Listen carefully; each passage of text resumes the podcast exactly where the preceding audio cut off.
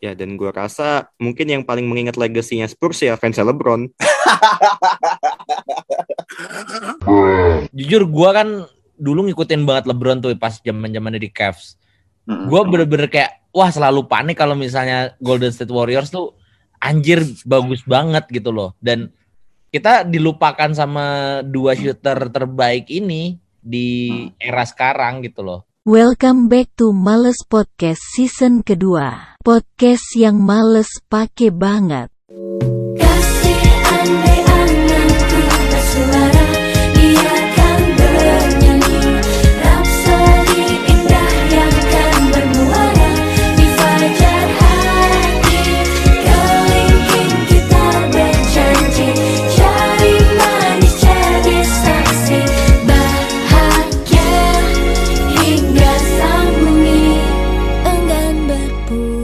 Oke guys, welcome back to news episode of Mouse Podcast. So today kita kedatangan tamu dari Basic Basket. Basic Basket eh, podcast basket yang udah banyak banget episodenya dan mereka juga banyak lagi em, podcast-podcastnya seperti Basic Bola or dan lain-lainnya ya. Em, maybe kalian bisa correct gue kalau misalnya gue salah gitu. co- Correct me if I wrong. By the way, eh, kita kenalan dulu dong sama Basic Basket. Halo Mas eh Dimsu dan Ramzi, Ramzi gua. ini gua ini gua ini gua ini gua mau nyebut takut salah karena mungkin kalian sedang tidak ini ya karena gua kan di zoom nih gua di zoom Mas Ramzinya pakai nama yang lain eh, tolong tolong itu ja- dijaga tolong tolong tolong agak-agak humiliating gitu. Aset perusahaan nih. jadi gua gua antara mau nyebut tapi takut salah nggak nyebut salah juga Terjadi siapa ini nama orang yang tidak dikenal gitu. jadi kita kedatangan tamu dan seperti yang udah rame lah di SG kan kita di SG sempat ada ada lah di SG kita bikin kayak Yes sir. So, kita kedatangan Bisik Basket. By the way, I wanna ask something. Em, kan kalian udah punya Bisik Basket, Bisik Bola. By the way, kapan mau punya Bisikan Kalbu? Ini ini mungkin mungkin Namsi bisa menjelaskan ya. Coba coba jelasin sih, coba jelasin sih. Segeralah. Terima kasih loh inputnya. Nanti nanti gue coba eh, bilang ke ini ini tim gua deh. Nanti coba di- kita brainstorm dulu ya. Oke, oke. Nanti gue buat kalem, kalem. bikinnya. Ini by the way, mungkin ini agak mungkin kalau di Basic Basket agak fokus-fokus ya pembahasan, tapi kalau di Mouse Podcast ya we always talking shit. Jangan serius. Nah, Oke. ini ini karena kita agak eh, kita tuh butuh sesuatu yang eh, gak usah serius-serius banget loh ngomongin basket lah ya. Kayak gitu. Hmm. Dan thank you so much dibuat Males Podcast yang udah ngajak kita Ezi ya. Yoi. Ya, so today seperti nama episode yang kita bakal ngebahas soal tim super tim atau calon-calon tim kuat dari West kecuali Lakers ya karena kita tahu Lakers udah terlalu kuat walau tak jelas kuatnya di sisi mana. Buat imannya kayak itu. ya bagaimana kan banget Lakers itu kan walaupun kuat-kuat isinya udah kepala tiga semua. Iya, Iya, betul. iya betul betul betul betul. Yang umur Walaupun sebenarnya kepala tiga bukan jaminan ya pemain itu lebih apa lebih performnya lebih jelek atau enggak. Tetapi kan dengan kepala tiga kan kita tahu ke- kerentanan dia terhadap cedera lebih besar. Mm-mm. Oke, em, by the way gue gue pengen nanya nih ke kalian. Menurut kalian super Hmm. team itu apa sih? Mungkin Dimsu bisa jelasin duluan.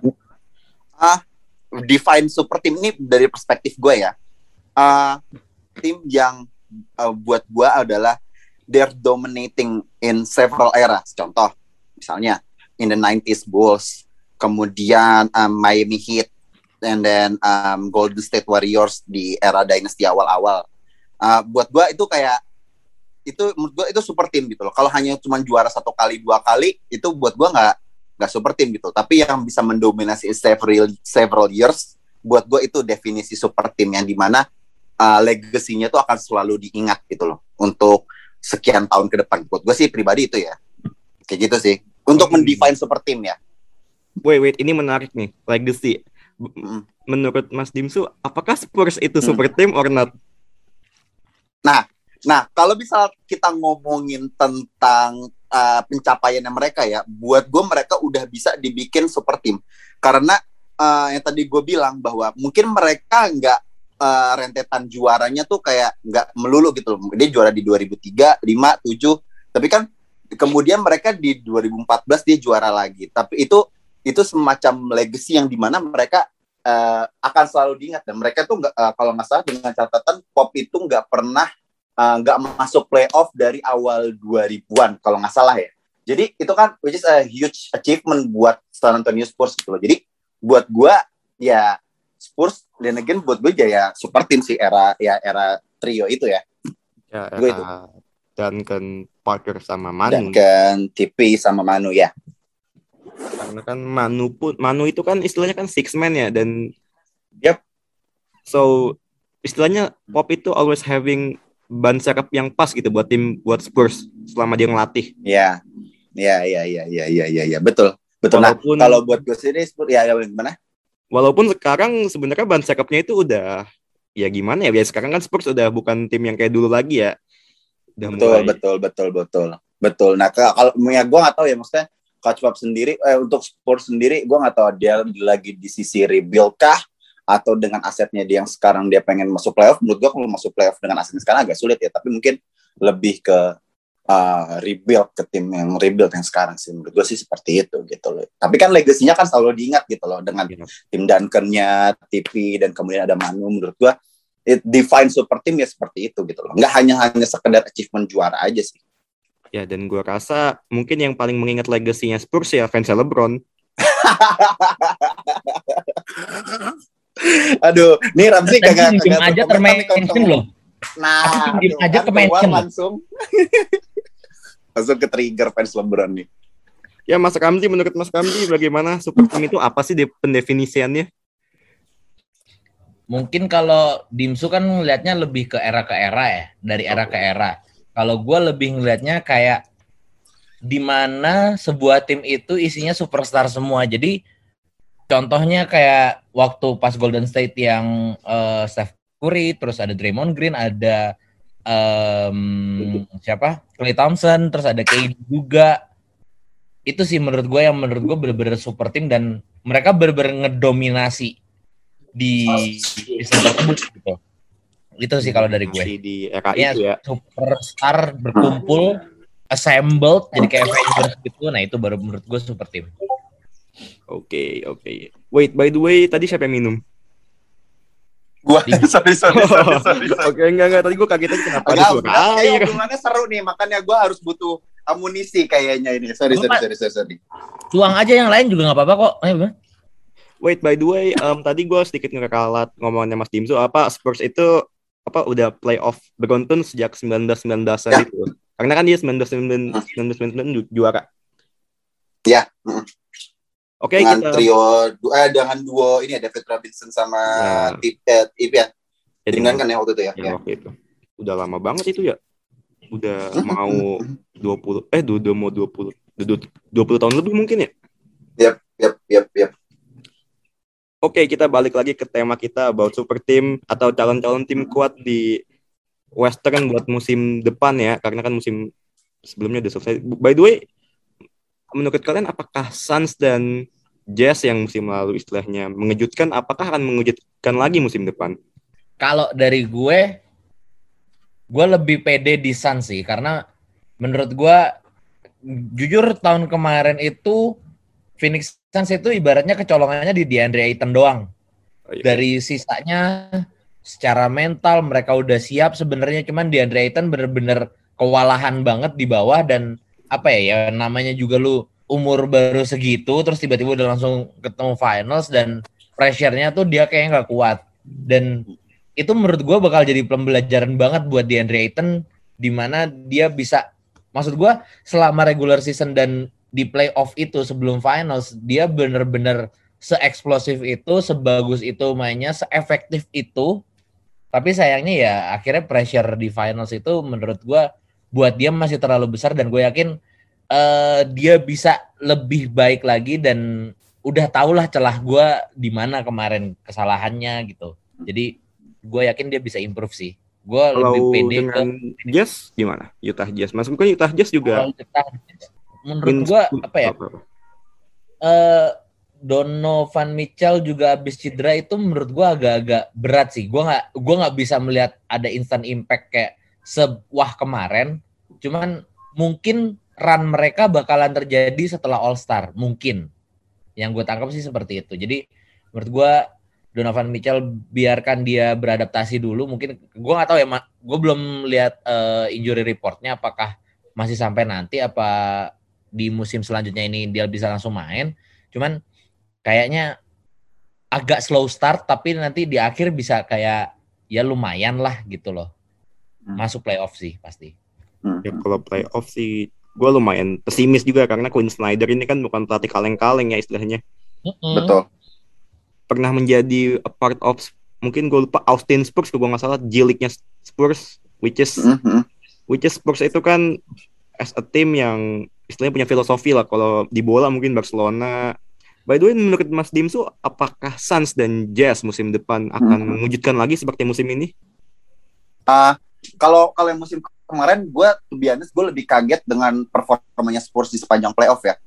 Ah, gue sempat bilang di bisik basket kalau misalnya Spurs kalau misalnya Suns itu ah, bisa ngalahin Lakers, dia gonna eh, dia bakal mereka akan ada di NBA Finals. Gue yakin banget dan mereka terbukti mereka ada di NBA Finals gitu.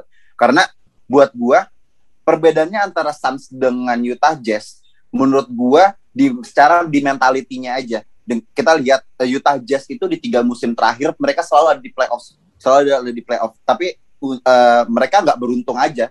Karena gue selalu bilang di bisik basket mereka itu nggak ada sosok leadershipnya gitu loh. Gue selalu bilang mereka punya aset yang bagus mereka punya teamwork yang bagus mereka punya gaya bermain yang enak buat dilihat. Buat gue mereka cukuplah untuk bisa bersaing di playoff tapi mereka nggak ada sosok leadershipnya di dalam tim itu karena itu adalah buat gue sosok leadership adalah hal yang penting buat uh, bisa bertahan di segala tantangan yang ada di playoff gitu. Instead of Suns yang menurut asetnya yang mungkin masih ada yang kayak ada DeAndre Ayton, kemudian kemarin ada di book yang baru baru baru pertama kali mungkin masuk playoff terus- dan tapi mereka punya CP3 yang di mana so- sosok, sosok leadershipnya itu udah ada. Jadi buat gue itu pembedanya dari antara Suns sama uh, Utah Jazz. Makanya jujur gue lebih kaget sama Suns sih bisa melangkah jauh instead of Utah Jazz gitu loh. Tapi buat gua di musim depan gua lebih yakin ke Suns lagi untuk bisa melangkah jauh karena mereka udah ya, chemistry secaranya mereka tetap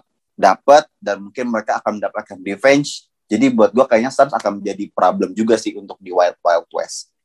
By the way, kalau Jazz kita kita sedikit record ke Jazz playoff ini ya Mhm. play- playoff perjalanan playoff mereka. Kalau gua nggak salah 2020 kan em, 2020 itu kan kalau gua nggak salah kalah lawan Nuggets ya game 7 Mhm.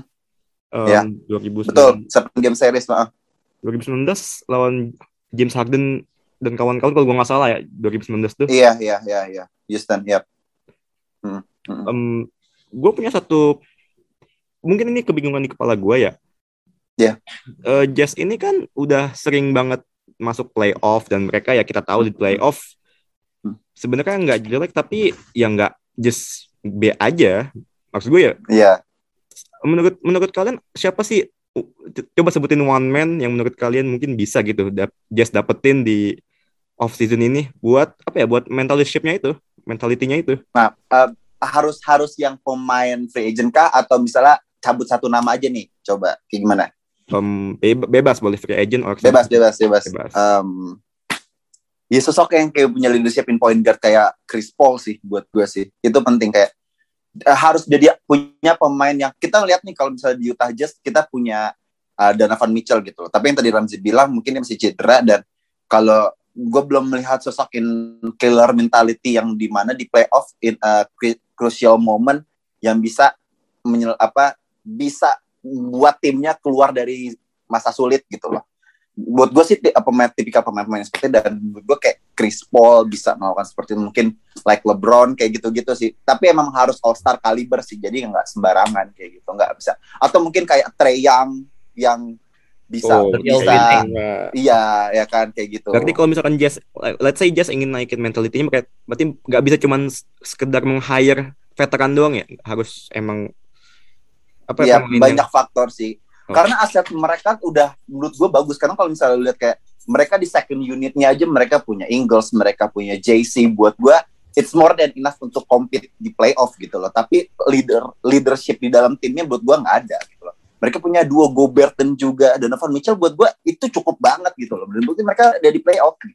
dan pelatih mereka ya menurut gue pelatih mereka ini apa ya, one of the best lah di Yep. sekarang ya. Yes, yes, yes. Betul. Quinn Snyder. Quinn Snyder. ini vibes-nya mungkin kalau gue boleh jujur ini vibes vibes Hmm. tim-tim kayak Boston Celtic dulu ya Yes, Dan- benar, exactly, benar banget. dan Tim yang maybe. bermain kolektif gitu loh, yang Iya. yang asik banget ditonton kan. Iya, ya nggak cuma ngandelin satu dua pemain doang betul. menurut gue Quinn Snyder kalau misalkan let's say dia ngelatih di tim let's say kayak Clippers Lakers maybe buat 2 3 tahun menurut gue bisa sih juara streak karena dia he has something that special gitu di Snyder. Ya, ya, secara ya, taktikal ya, ya, ya, ya. Setuju. tapi kan sayang sekali dia mendapatkan tim yang istilahnya secara leadership ya jelek Ya, sekali ampun-ampun aja. Iya, betul. Ya kita sedikit eh, inilah dua tahun terakhir Jazz kena comeback di playoff kan.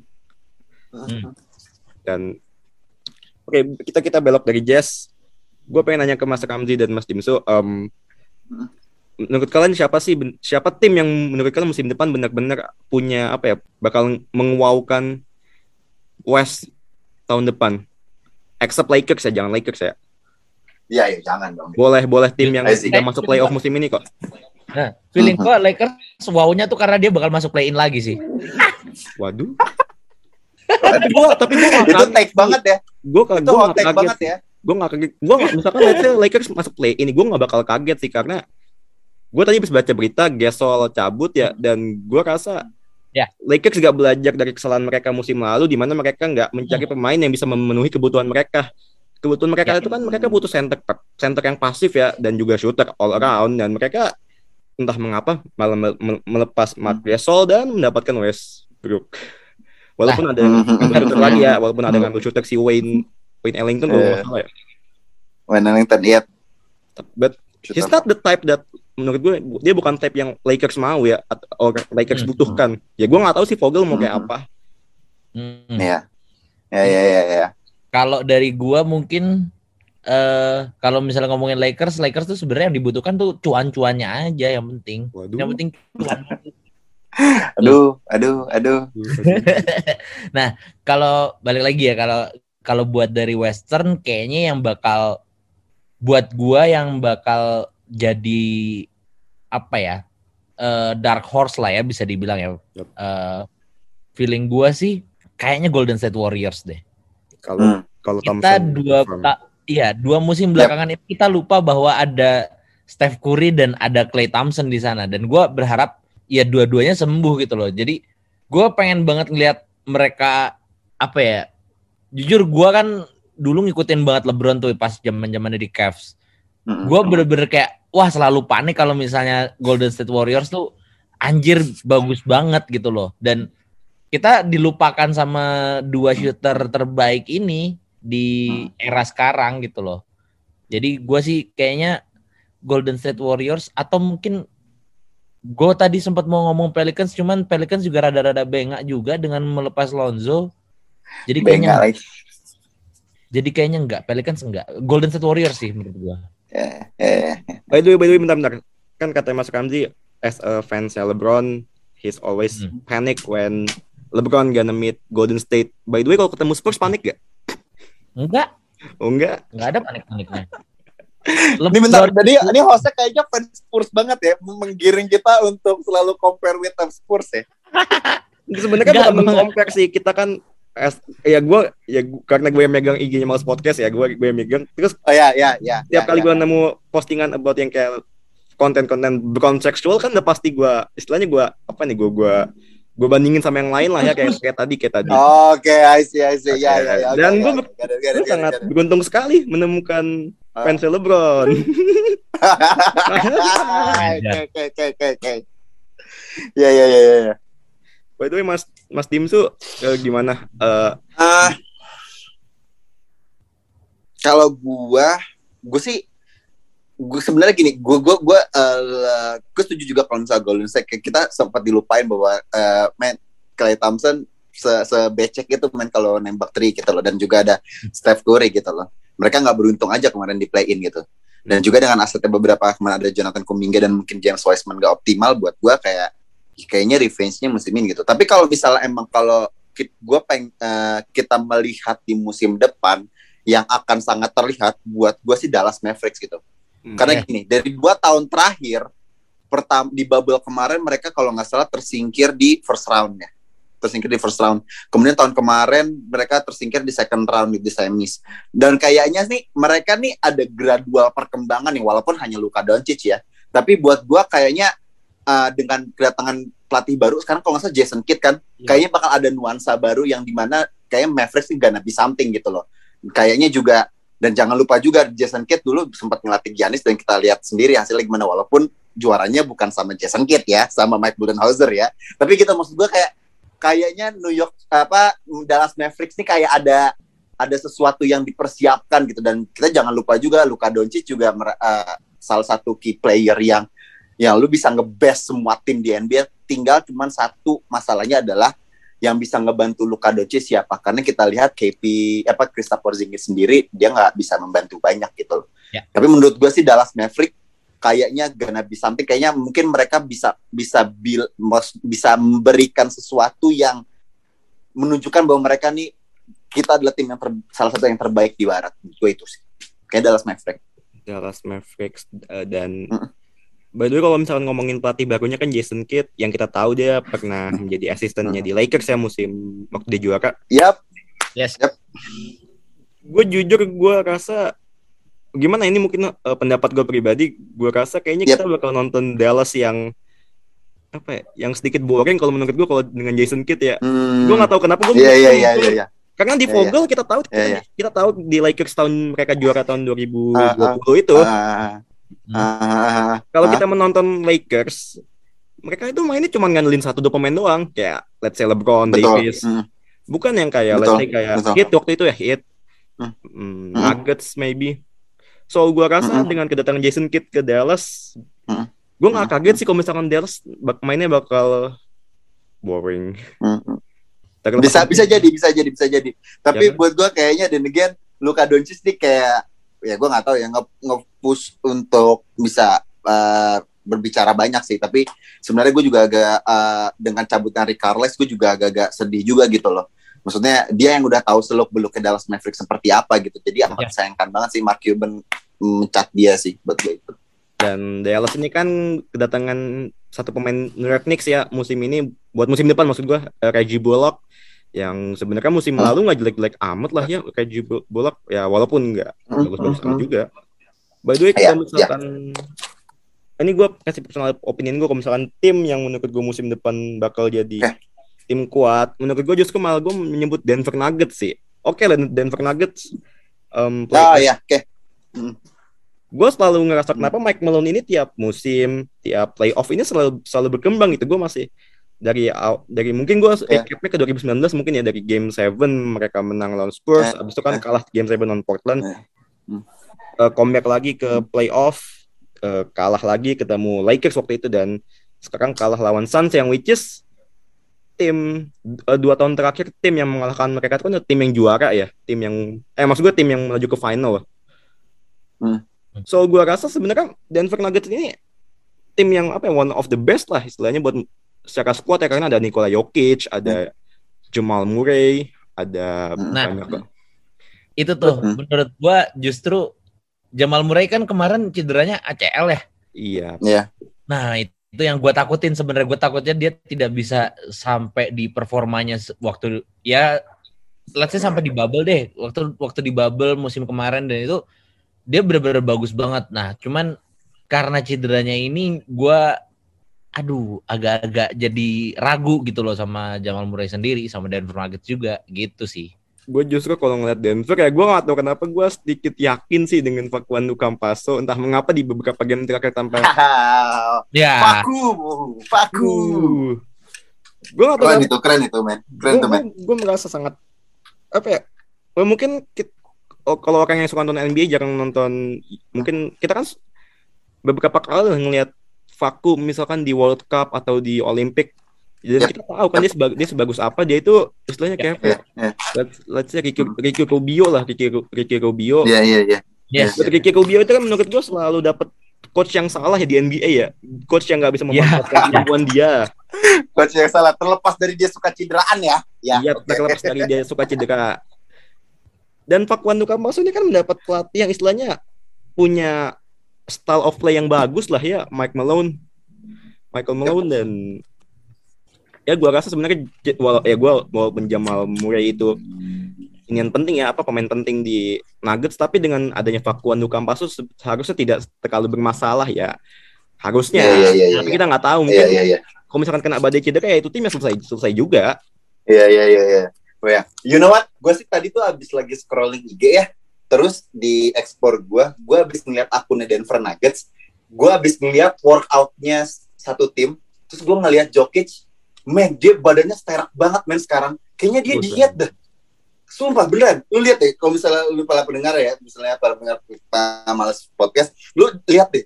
Kayaknya kurus banget men, jadi lean banget gitu loh. Nah, kalau yang Hmm. gue lihat nih kalau kalau Jokic udah apa satu pemain yang badannya udah lean kayak gini, this gonna be explosive next year.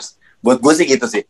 Kalau lu udah ngeliat gaya play style-nya Jokic yang kayak flashy pass, kayak lu lu akan itu sangat aneh banget nih orang mainnya gitu. Tapi secara IQ basketbolnya tinggi dan ditambah dengan physicality-nya dia yang udah terbuat seperti itu, kayaknya Jokic sudah bakalan gokil banget sih musim depan sih.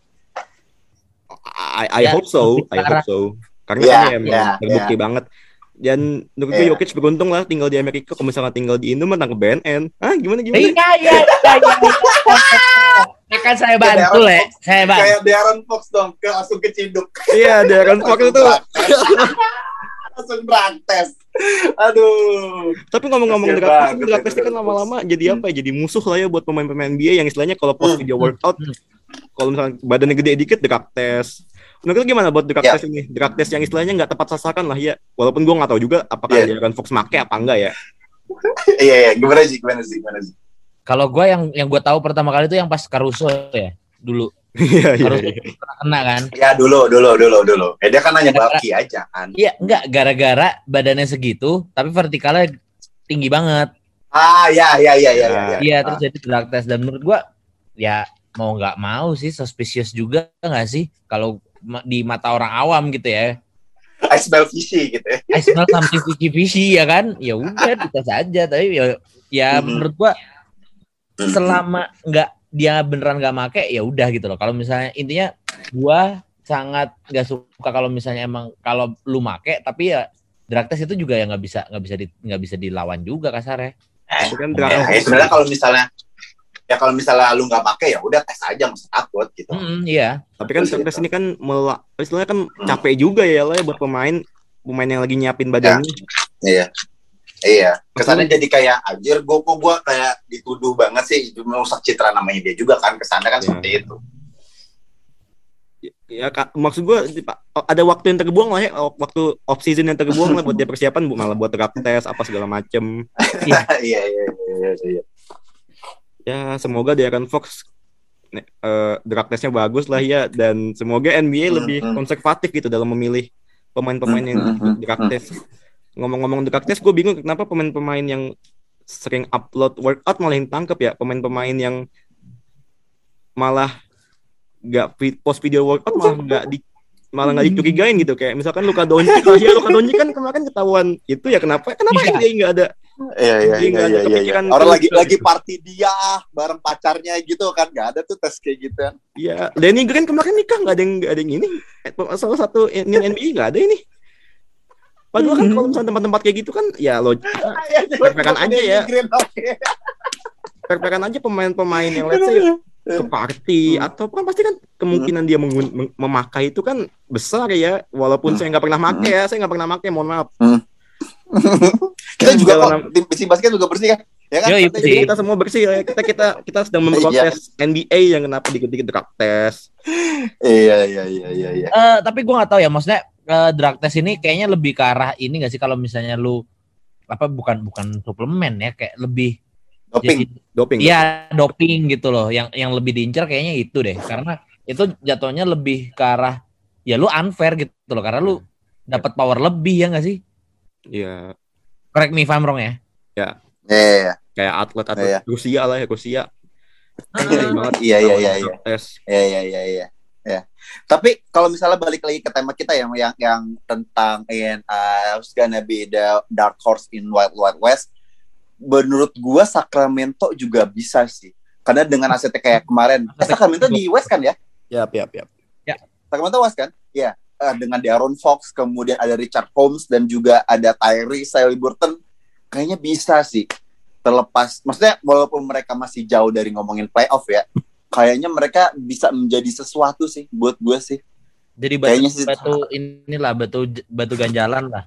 Iya bisa sih, bisa sih. At least, at least mungkin di eight spot playoff kayaknya bisa sih mereka sih. Kayak just like Memphis Grizzlies tahun uh, musim Ya. kemarin aja, yang kita nggak eh, expect mereka bisa ada di playoff walaupun di peringkat 8 ya. Buat gue sih itu sih. Tapi kalau gue boleh ini sedikit ya, gue rasa entah mengapa ini tim ya walaupun pelatihnya udah bukan itu ya, walaupun ini tim waktu dipegang Luke Walton, kenapa gue merasa tim ini apa istilahnya hmm, rebuildnya malah terarah gitu, walaupun sekarang kan udah bukan dia ya. Iya. Entah mengapa. Iya. Gue gue bukan fans Iya, Luke iya, iya. Walton ya karena gue tahu dia Iya. di Lakers kayak apa lah ya, jadi as, as, Iya, iya. as tahu lah ya. Iya, gue tahu Tres kan maksudnya kan. Ya saya kan tak suka yang barbar ya. Tapi kenapa ketika dia pindah Iya, ke Kings malah menurut ya walaupun dia nggak mulus-mulus amat ya sama Kings tapi kenapa gue merasa dia Hmm. ketika masuk ke Kings malah menemukan apa ya rebuild yang pas gitu dengan datang Halliburton dan Hmm. sekarang kan ya walaupun head coachnya udah bukan dia lagi ya Iya, iya. Apa mungkin sebenarnya Iya, Lakers uh, yang nggak bisa manfa- manfaatin dia ya buat nge-rebuild Aduh, aduh, Itu ya. aduh, aduh, aduh. Coba sih kasih tahu sih Ya gimana sih. sebenarnya gini, apa yang apa yang diambil Luke Walton pas di Lakers, akhir-akhir semuanya jadi sekarang. iya sih Iya ya berarti Iya, Jadi di trade kan sama LeBron maksudnya. Iya, ya kan Iya. karena lo GM, Iya, iya, iya. kalau lo GM sudah menguasai dunia kan udah susah. Ya, ya apalagi Tapi gitu GM sih kalau menurut Iya. gua. Ya apalagi GM-nya yang kalah beruntun di final. Aduh. Aduh. Aduh. Iya, iya, wait. iya, Oke, iya, iya. oke, kita gonna end di sini aja because kita Oke. oke ini buat para pendengar asalkan kalian tahu kita nge-record di malam Minggu dan asal kalian tahu di malam Minggu hari ini Ronaldo mau main. dan juga terlepas dari itu Iya, iya. dikarenakan Zoom Hmm. kita tidak premium ya. Maksud gue Zoom malah post Zoom malah tidak premium. Jadi Si curhat, si curhat. mungkin ada yang mau berbagi Zoom premium dengan Males Podcast DM aja. Oh, bridging-nya ke sana ya. Gokil, gokil banget podcast keren, keren, keren, keren. Oke, em, mungkin bisik basket ada yang mau diucapkan lagi. Terakhir mungkin mungkin kalian ingin membuat apa bisikan kolbu mungkin kapan-kapan. Ya ditunggu aja lah ya. Ditunggu aja ya sih ya. Yoi. Oke guys, thank you semua buat dengerin episode kali ini bareng Bisik Basket. Ini kita hari ini ngebahasnya yang di West ya, calon-calon tim kuat di West. Buat yang di Eastern nanti kita bakal bikin lagi tapi di Bisik Basket di channel Bisik- Basket. Oke guys, thank Ya, you for oke, listening. Makasih juga buat Bisik Basket yang udah mau datang. Thank, thank you, thank you, thank you, thank you banget Mas Podcast udah ngajak kita nih. It's such an honor for us. Oke, Hmm, guys, Semoga podcast podcast basket makin banyak. Amin. Ya, betul. Dan banyak lagi. Iya, dan Iya. banyak lagi lah pokoknya. Ya, Jangan ya, ya, ya. itu itu aja yang didengarkan Dan sustain lah, dan sustain dan sustain. ya. ekosistemnya. Ya, thank you semua guys buat yang udah dengerin. Oke. Jangan lupa follow kita di Instagram, Twitter juga ada.